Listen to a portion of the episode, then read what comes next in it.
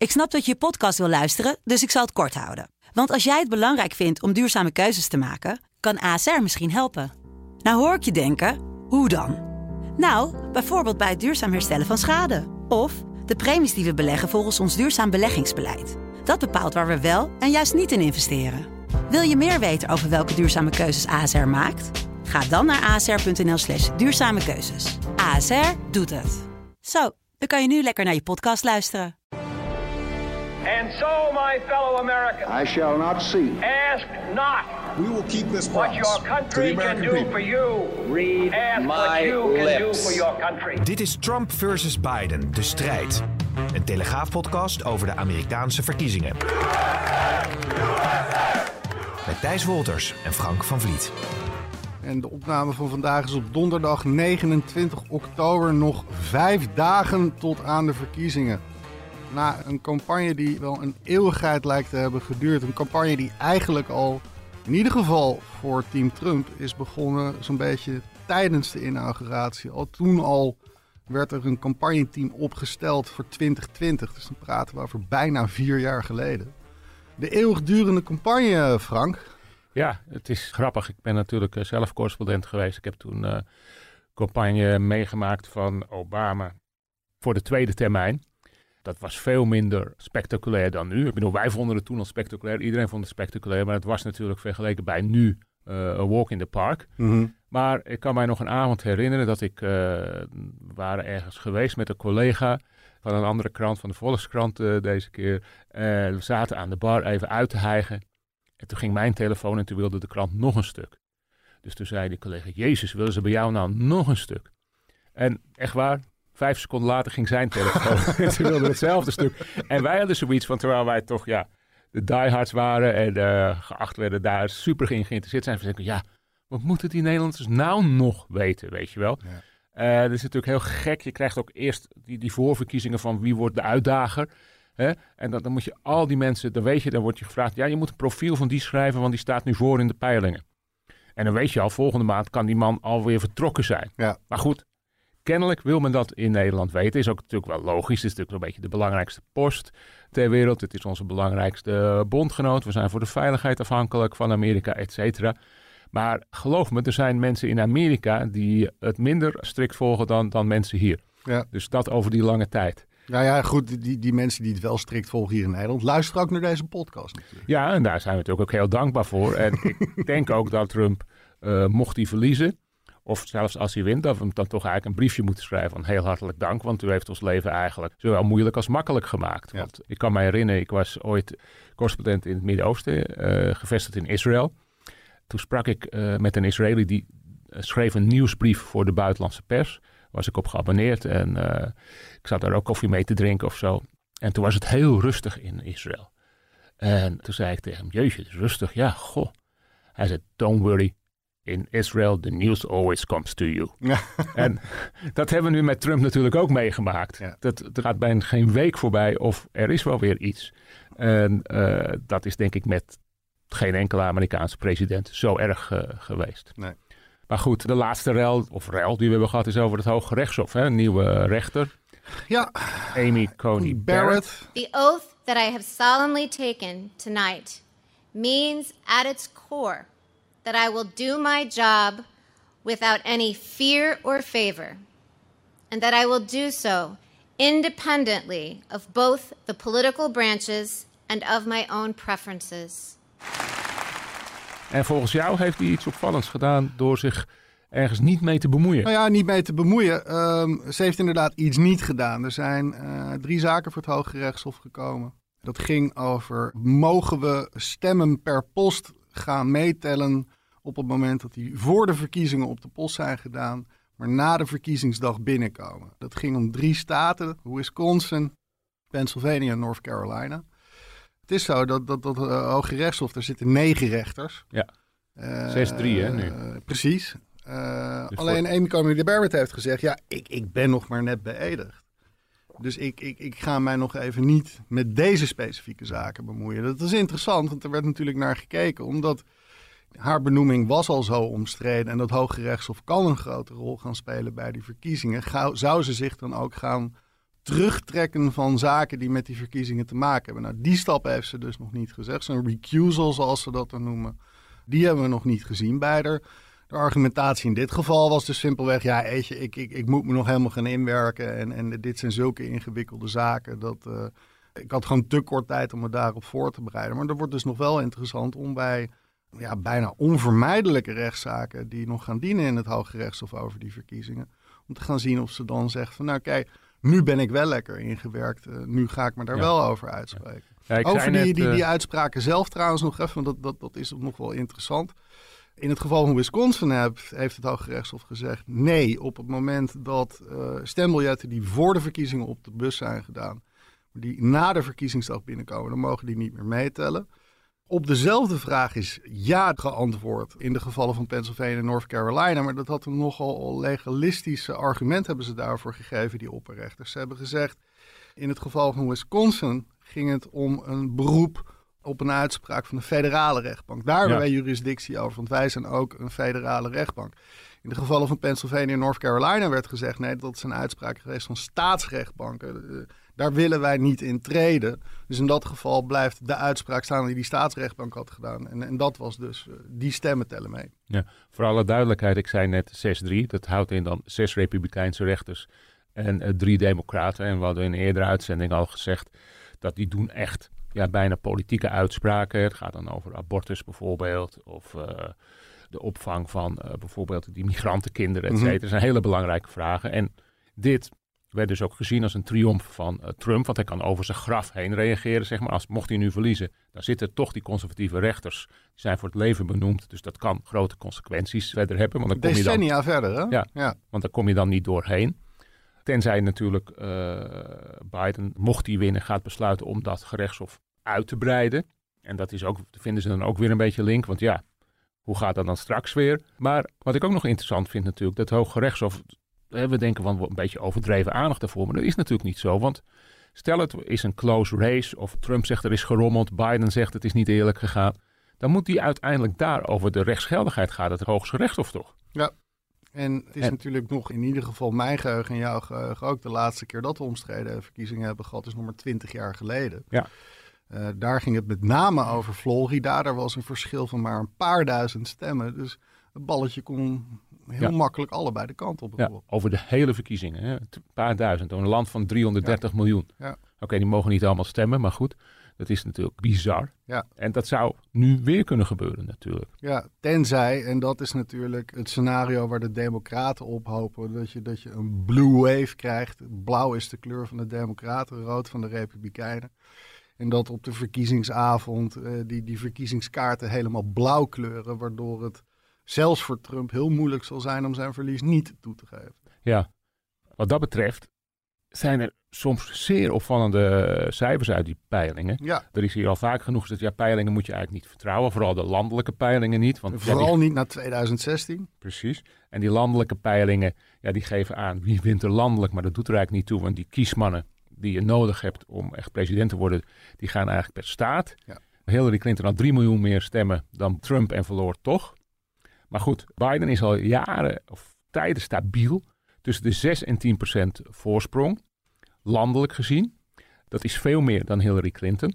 Maar het gaat dan om die zogenaamde swing states. Hè? States die van de ene naar de andere partij uh, kunnen flippen. Ik bedoel... Ja, we noemden er net al drie ook inderdaad. De, de, Wisconsin, Pennsylvania en North Carolina. Ja. En waar ik naartoe wilde was die Wisconsin. Want er was gisteren een bericht. Er was een poll van ABC Washington Poll. Waar Biden met 17% voor stond. Dat is ongekend. Uh, vorige keer won uh, Trump Wisconsin met 0,77%. Ze hebben het allemaal keurig uh, opgezocht voor ons. En het gekke was de website 538, die publiceerde, die vertelde, had daar een verhaaltje over. En die zei ook, het stond erbij, 17% in, in nummers. En erachter stond geen tikfout, uitroepteken. Maar er waren andere polls toch ook eerder die week geweest waarin echt boven de 10% in Wisconsin staat. Dat zou kunnen duiden op zo'n blue wave, maar uh, Wisconsin is inderdaad een van die uh, drie states in de, in, in de Rust Belt die als swing states geldt. Heb jij daar een verklaring voor?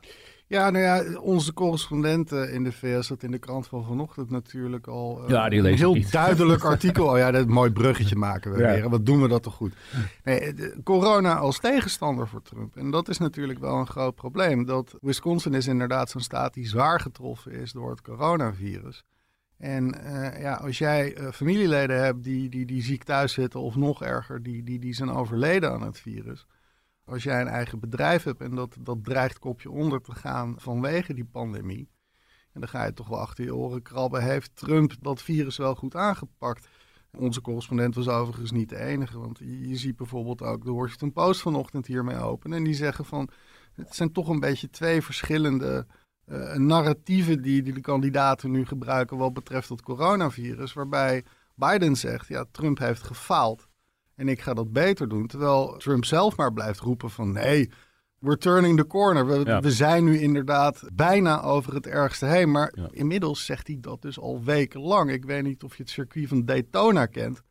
En dat is natuurlijk maar één bochten. grote bocht. En, en dat is een beetje waar, waar zijn argument nu op begint te lijken. It's going to disappear. One day it's like a miracle. It will disappear. It'll go away. It will go away. Just stay calm. It will go away. We need a little separation until such time as this goes away. It's going to go away. It's going to go away. It will go away. You know it. You know it is going away.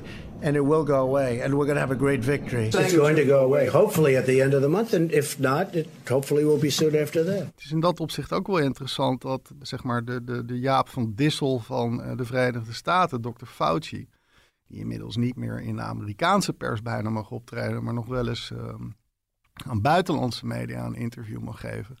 Dat hij eh, gisteren in een interview met de Canadese zender CBC, was dat volgens mij, gezegd had van, ja, weet je, we zijn er echt nog niet.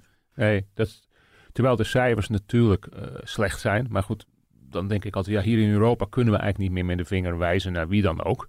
Maar het is heel duidelijk. Ik bedoel, je ziet Joe Biden is bijna, kan je, het heeft, bijnaam heeft hij volgens mij nog niet. Mondkapje Biden.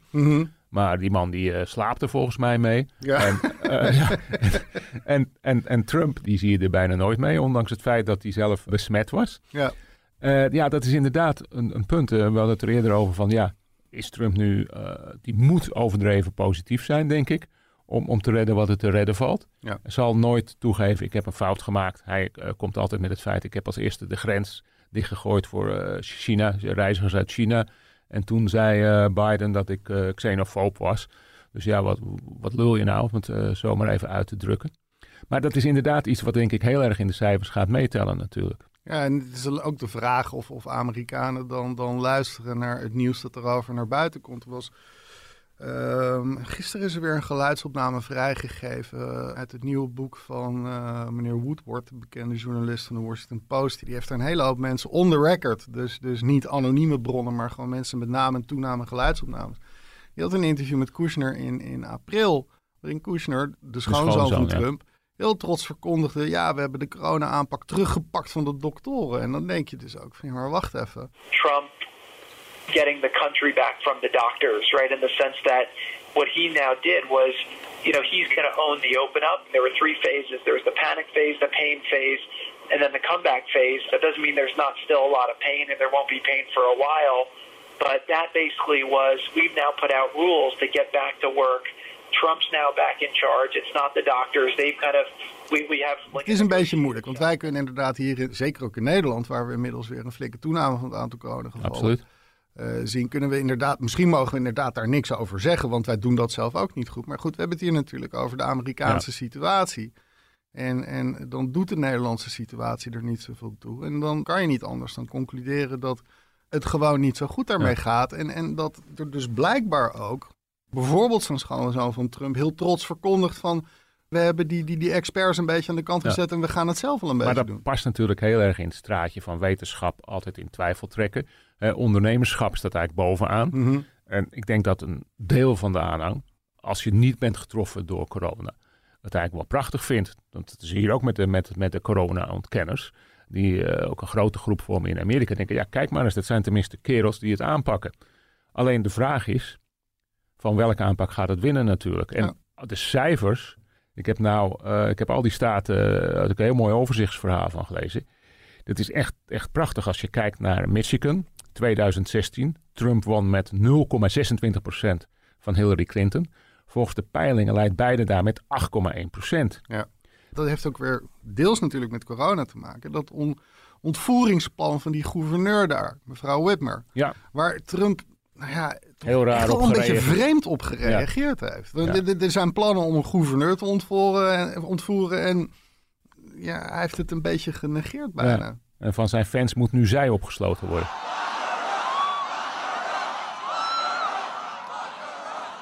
And then I guess uh, they said she was threatened, right? She, she was threatened. And she blamed me. She blamed me. Ja, denk ik, ja. ja dat, dat plan lag er dus, Ja. maar niet door een... eh, Nee, precies. Dat zou ook eh, mee hebben kunnen gespeeld. Je ziet het dus all over. Hè? Je hebt de, de swing states in de Rust Belt. Dan heb je de... de- Even voor de luisteraar ook, die Rust Belt, dat is zeg maar dat gebied zo rond Detroit en ten zuiden daarvan, dat noemen we de Rust Belt vanwege de industrie die daar met name vroeger zat. Ja, want Detroit kan ik nog een mooi verhaal vertellen dat ik daar toen geweest was. En toen was het net na de crisis in de auto. En dat is dus de, de Motown, hè? dat is dan van de, van de muziek. Maar dat is ook Motortown. Ik moest daar een vijfbaans weg oversteken. Dus ik keek naar links, ik keek naar rechts. Ik zag geen auto. Nee. Dat was echt crisis daar. Ja. Dus dat, dat was bizar. Dat is een spookstad was dat in die tijd. hè? Ja, en die zijn eh, langzamerhand weer aan het eh, opkrabbelen natuurlijk. Maar eh, zo erg was het dus natuurlijk. Mhm. Dus vandaar dat je ook zegt van dat daar onvrede heerste. En hè, dat je zegt van ja, wij, de gewone arbeider, we weten het ook niet meer. De, zeg maar de normale partijen tussen aanhalingstekens hebben ons in de steek gelaten. En Trump kwam met het positieve verhaal van ik ben ondernemer, ik weet wel hoe het moet, ik ga jullie aan banen helpen. Dat dat, dat daar werkte, dat kan ik me eigenlijk wel voorstellen. En zonder corona had hij die belofte ook prima Absoluut. kunnen nakomen natuurlijk. Absoluut. Want dat vergeten we wel eens na dat hele jaar 2020. Ja. Maar als je kijkt naar hoe die Amerikaanse economie ervoor stond aan begin dit jaar, hoe de- gewoon Joe Sixpack, Jan met de pet inderdaad, hoe het daarmee ging, dat was gewoon ronduit goed. Ja, die kreeg gewoon. We hebben hier onze. eh, toen was jij eh luiers aan het verschonen van jouw eh, prachtige tweeling. Toen hebben we hier Herman Stam gehad, die toen onder Trump correspondent was. Ja. En ook in Amerika belasting betaald. En die zei: Nou, gelet op mijn portemonnee was ik zeer blij met Trump. Ja. Want dat eh, ging opeens eh, een stuk beter. Mhm. Het heeft een enorme belastingverlaging. En dan kan je wel weer zeggen, ja, dat is, komt er weer schuld bij, et cetera. Maar het heeft wel een boost ook gegeven aan de economie, die overigens al goed liep. Hè, onder eh, Obama, dat, dat was toch wat dat, die crisis waar ik het over had in Detroit, was eigenlijk een beetje achter de rug. Mhm. Maar dat heeft hij echt goed gedaan. En laten we wel zijn, het zwartste scenario wat voorspeld werd van Trump, ja, toen hij aantrad, hè, dat is eigenlijk niet uitgekomen volgens mij. Nee. Er zijn geen oorlogen, hij was niet trigger happy, verre van dat eigenlijk. Mhm. Eh, hij heeft één keer eh, volgens mij in Syrië ingegrepen na die gifmoord. Ja. Dat was denk ik een emotioneel besluit. Hè, van dan, al die kinderen heeft hij zien liggen, dacht dit kan echt niet. Ja. Maar voor de rest, ja. Hij heeft wel een heleboel dingen opgeschud, maar... Ja, maar over dat buitenlandbeleid, dat is, hij trekt zich terug uit al die eeuwige oorlogen. Ik kan me vergissen, maar volgens mij heeft hij daarmee ook gewoon het beleid van Obama voortgezet. Absoluut, Want ja. Obama is begonnen met terugtrekken uit Irak, is begonnen met terugtrekken uit Afghanistan. En, en Trump is daarmee verder gegaan. Tegelijkertijd kan je ook zeggen, dat hele buitenlandbeleid van Obama, ja, ik was er persoonlijk niet zo'n fan van. Want eh islamitische staat heeft kunnen ontploffen onder Obama. Eh, de Arabische lente heeft hij toch vooral vanaf de zijlijn bekeken. Wij als Europese bondgenoten mochten de hete kolen uit het vuur halen in Libië. Dus als je dat vergelijkt met... eh, Leading from behind. ja, het is goed met je. Ja, maar ik bedoel, als je het vanuit dat opzicht bekijkt, dan, dan verschilt dat buitenlandbeleid van Trump niet eens zo ontzettend veel van dat van zijn voorganger. Nee, alleen wat Obama wel heel veel deed, was het inzetten van aanvallen op drones, hè? Ja. op terroristen. Ja. Dat, dat Drone was, Bama was er bijna Ja. op een gegeven moment. En dat is natuurlijk een heel makkelijk wapen, want je loopt niet het risico dat aan jouw kant er eh, slachtoffers vallen. Dus eh, dat, dat wil geen enkele Amerikaanse president, dat de lijkkisten naar binnen worden gevlogen. Dus wat dat betreft was hij misschien zelfs meer trigger-happy dan, dan Trump nog. Obama. Ja. En ja, voor de rest denk ik inderdaad, hij had ook aandacht voor China. Hij deed dat anders. Hij wilde eigenlijk een brede coalitie bouwen tegen China, hè, zonder al te veel ruzie te schoppen. Eh, Trump heeft meteen ruzie geschopt met China en heeft Ja. daardoor misschien juist een brede coalitie verloren. Dus de vraag is wie daar verstandiger in aan heeft gedaan. En ik weet niet of je dat nu al kunt meten, maar ook Europa. Ik bedoel, hij was een held hier natuurlijk, Obama. Misschien zelfs onduidelijke reden, omdat hij zo wel bespraakt was en na Bush kwam die niet erg geliefd was. Maar hij is pas naar Europa gekomen op het moment dat hij Europa nodig had. Dat was in 2014. aan de Want hand. toen ging hij opeens naar, moest je, werd hij opeens dikke maatjes met eh, Merkel. Ja, precies. En, en dat was wel in hetzelfde jaar dat toen een, eh, dat is dat verdrag van Wils volgens mij dat is gesloten, waarbij die afspraak is gemaakt van we moeten naar 2% van ons bruto binnenlands Ja. product toe voor eh, defensiebestedingen. Ja, en daar heeft hij ook, heeft Obama heeft ook gezegd, jongens Europa, jullie moeten meer betalen. Hij deed dat alleen minder hard dan Trump. En Ja. kennelijk denk ik dat de methode Trump wat dat betreft beter werkte. Want ze waren toch echt wel bang bij eh, de NAVO voor Trump. En zelfs Nederland heeft toch wat meer gedaan. Ja, Terwijl ze natuurlijk eigenlijk eh, een beetje een free ride hadden. Dat eh horen ze niet graag binnen de NAVO. Maar ik denk dat het toch wel een beetje meespeelt. nou ja, en er zijn natuurlijk allemaal trucjes ook hier in Nederland gepleegd om richting die 2% te gaan door bijvoorbeeld ontwikkelingssamenwerking eronder te laten vallen. Ja. Want ja, ook daarmee voorkom je oorlogen. Ja, dat hou je de koekoek. Het gaat echt om defensiebestedingen natuurlijk. Hoewel Nederland is natuurlijk wel heel goed in eh, dat soort werk. In Ja. oorlogsgebied, ik heb er een paar bezocht in Bosnië en zo. Daar is Nederland goed in. Praten, praten en eh, de reden zoeken, et cetera. Het gevolg was wel dat als ik in Bosnië ergens naartoe moest in de auto, dan reden we vaak achter een militair eh karavaan aan voor de safety. En dan reden we liever achter de Britten aan, want die jasten gewoon dwars door wegversperringen heen. Dat waren jongens die waren getraind in eh, Belfast eh, te- Ja. tegen de IRA. Maar goed, dat terzijde. Ja, want ik wou net zeggen, als puntje bij paaltje komt, dan, zouden, dan moeten we het ook over Srebrenica gaan hebben natuurlijk. En Ja, dat daar gaan we, dat, gaat, dat is weer een hele andere podcast. Ja. Dat gaan we niet doen. Ja, Dus misschien moeten we even terug naar, eh, want we hebben het dan net over de Rust Belt gehad. ja. Maar er zijn een aantal andere eh, opvallende staten die misschien gaan swingen. De, de Big Three eh, Sunbelt States, hè, Arizona, Florida, North Carolina. Ja. Ik noem even de nummers op. Zelfs Florida, dat is een beetje de belangrijkste swing state, zo'n beetje omdat ze heel veel kiesmannen hebben, 29 geloof ik. Dat is de grote vis. Verloren vaak op het laatste moment door de Democraten. Daar heeft Biden nu een voorsprong van 1,5 procent. Nou ja, dat zegt niks, daar kan het dus nog alle kanten op. Ja. Maar North Carolina is ongeveer hetzelfde. Maar hij staat overal wel voor. En wat ik grappig vind, is dat er nog een andere staat die eigenlijk nooit als een swing state wordt gezien, is Texas. ja, dat is ongelooflijk. Ik heb dat even opgezocht. De laatste keer dat een democratische kandidaat in Texas heeft gewonnen, toen was ik drie jaar oud. En ik ben 47 inmiddels. Was overigens ook het jaar waarin Biden is verkozen. Dus kan je ook nagaan hoe lang die man al politicus is. Dat hij voor het eerste keer als senator werd verkozen. In 1976. Dus zo lang is dat geleden. Jij weet dat nog als de dag van gisteren. Als driejarige was jij al... Oh ja, ik eh, zat al aan mijn radiootje gekluisterd toen inderdaad. Ik vond dat zo spannend. Nou, dan kan ik nog sterker verhaal. Toen ik volgens mij drie jaar oud was, hoorde ik dat eh, John F. Kennedy was doodgeschoten. Maar ik denk dat je je dat wel echt daadwerkelijk kan dat kan ik me echt herinneren. En ik kan mezelf nog herinneren dat ik tegen mijn buurmeisje, die er heel geschrokken over was, zei... Nou, die komt er wel tegenop, want dat is een hele sterke man. Ja. Ja, Oh. ook toen had ik het al verkeerd. Ja, Maar even terug naar Texas. Ja. Kijk, het is natuurlijk ehm, lang geleden, maar die Carter is natuurlijk ook een interessante. Want die nam het op tegen Ford, die het stokje moest overnemen van Nixon. Ja. Denk misschien toch wel de meest omstreden eh, Amerikaanse president voor Trump. Mhm. Maar goed, hoeveel staat hij ervoor, Biden? Eh, even kijken, moet ik even zeggen. 3%. Dus is net binnen de foutmarge eh, nog, volgens mij. Maar dan zegt ook iedereen, Texas, er zit er al jaren aan te komen. Want de bevolking is daar aan het veranderen. Er gaan steeds, steeds meer Latino's zich daar vestigen. En die zouden dan democraten sturen. En wij denken aan Texas, aan, aan de cowboy en de grote steaks. Ja.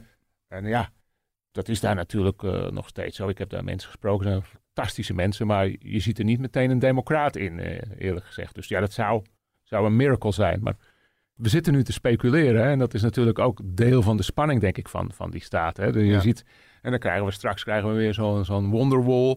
Waar dan zo'n zo'n presentator ergens op tikt. En dan komt er weer, ah, wat voor kleur gaat hij krijgen? Blauw of rood? En dat maakt het misschien ook nog wel heel Ik heb al zo zin in die verkiezingsloop met Wolf Blitzer. We've got a projection coming in, breaking news. Oh, zo spannend. Going into this night, where do we stand? This is what both candidates want. They want to be living there starting January 20th of next year. Uh, Florida has been going back and forth, back and forth. Get just here. changed again. It's only 11,000 vote lead just now. It changed. Anderson this night is turning out to be a real nail biter. Donald Trump will. Hey, nog even, want ik, ik, ik denk dat we richting de afsluiting moeten gaan. We hadden het de vorige keer al over die oktober surprises. We hebben nu dus nog vijf dagen tot aan die verkiezingen. Kan die nog iets uit zijn hoge hoed toveren, Trump, om die achterstand die hij dus zelfs in staten als, als Texas, Georgia zag ik bijvoorbeeld ook voorbij komen, nog zo'n zo'n gegarandeerd normaal Ja. republikeinse staat. Eh, Het hele verhaal van Hunter Biden lijkt nog steeds niet echt tractie te krijgen. Nee, dat is meer rook zonder vuur. Het is eigenlijk hetzelfde gebeurd met die eh, belastingpapieren van Trump die de New York Times boven Mhm. water hadden. Ja, het probleem is natuurlijk, de meeste mensen hebben al gekozen of zijn, staan zo vast erin. Hè, dat als Trump, eh, wat hij inderdaad ooit gezegd heeft, als ik op Fifth Avenue iemand neerschiet, dan nemen mijn fans mij dat nog niet, steeds niet kwalijk. Nou ja, dat is een beetje gechargeerd misschien, maar dat zou best kunnen. Alles lijkt vast te liggen. Dus ja, ik weet niet wat voor surprise er nog komt. Wat hij natuurlijk wel eh, een aantal keren heeft gedaan, is het Witte Huis gebruiken als eh, verkiezingsplatform. Mhm, Er wordt ook gezegd, misschien houdt hij de avond voor de verkiezingen nog wel een speech to the whole nation. mhm. Maar goed, ja, hoeveel mensen daar dan weer naar gaan kijken. Ja, En hoeveel zin het natuurlijk ook nog heeft. Want ik, ik zag bijvoorbeeld dat we eh, aan, aan inmiddels uitgebrachte stemmen Ja. al op 51% van de opkomst van 2016 zitten. Tot nu toe, met nog vijf dagen tot de, de daadwerkelijke verkiezingsdag, hebben al meer dan de helft van het aantal mensen gestemd die in 2016 hebben gestemd. En dat is interessant. En daar ligt het aan. Hè. Men, vaak een, een hoge opkomst is vaak eh, gunstig voor democraten. Dus wat dat betreft mag eh, Biden hopen dat de voorspellingen... want het zijn natuurlijk altijd voorspellingen... die peilingen er niet naast zitten. Ik durf nog steeds, gelet op de laatste keer... niks, niks terecht over te zeggen. Het lijkt de kant van Biden op te gaan. Maar een, verrassing is natuurlijk eh, niet uit te sluiten. En wat misschien nog veel leuker is, of spannender van ja, wat gebeurt er op verkiezingsdag? Krijgen we wel een uitslag? Als er geen uitslag is, wat gaat er gebeuren als Biden wint? Wat denk je dat er dan gaat gebeuren? Ja. Gaat Trump dan zeggen van nou, in januari stap ik vreedzaam terug en ik uh, hou me voor de rest rustig? Ik kan het me bijna niet voorstellen. Jij? Ja, ik, ik denk dat het echt een, een, een blauwe tsunami moet worden. Uh, wil hij uit zichzelf zeggen, inderdaad. Ik heb verloren. Het is het 22 januari, 21 januari is de inauguratie. Het is altijd eind januari, ja. Ja, dan, Steenkoud in Washington is het dan. dan geef ik het stokje over aan Biden. Nou, we gaan het zien. Wij hebben in ieder geval nog genoeg stof voor deze podcast. Ja, ik denk dat we misschien nog een paar keer door moeten gaan. Ja, nou, mocht u dat ook vinden, laat het vooral horen. En uh, spreken we in ieder geval volgende week.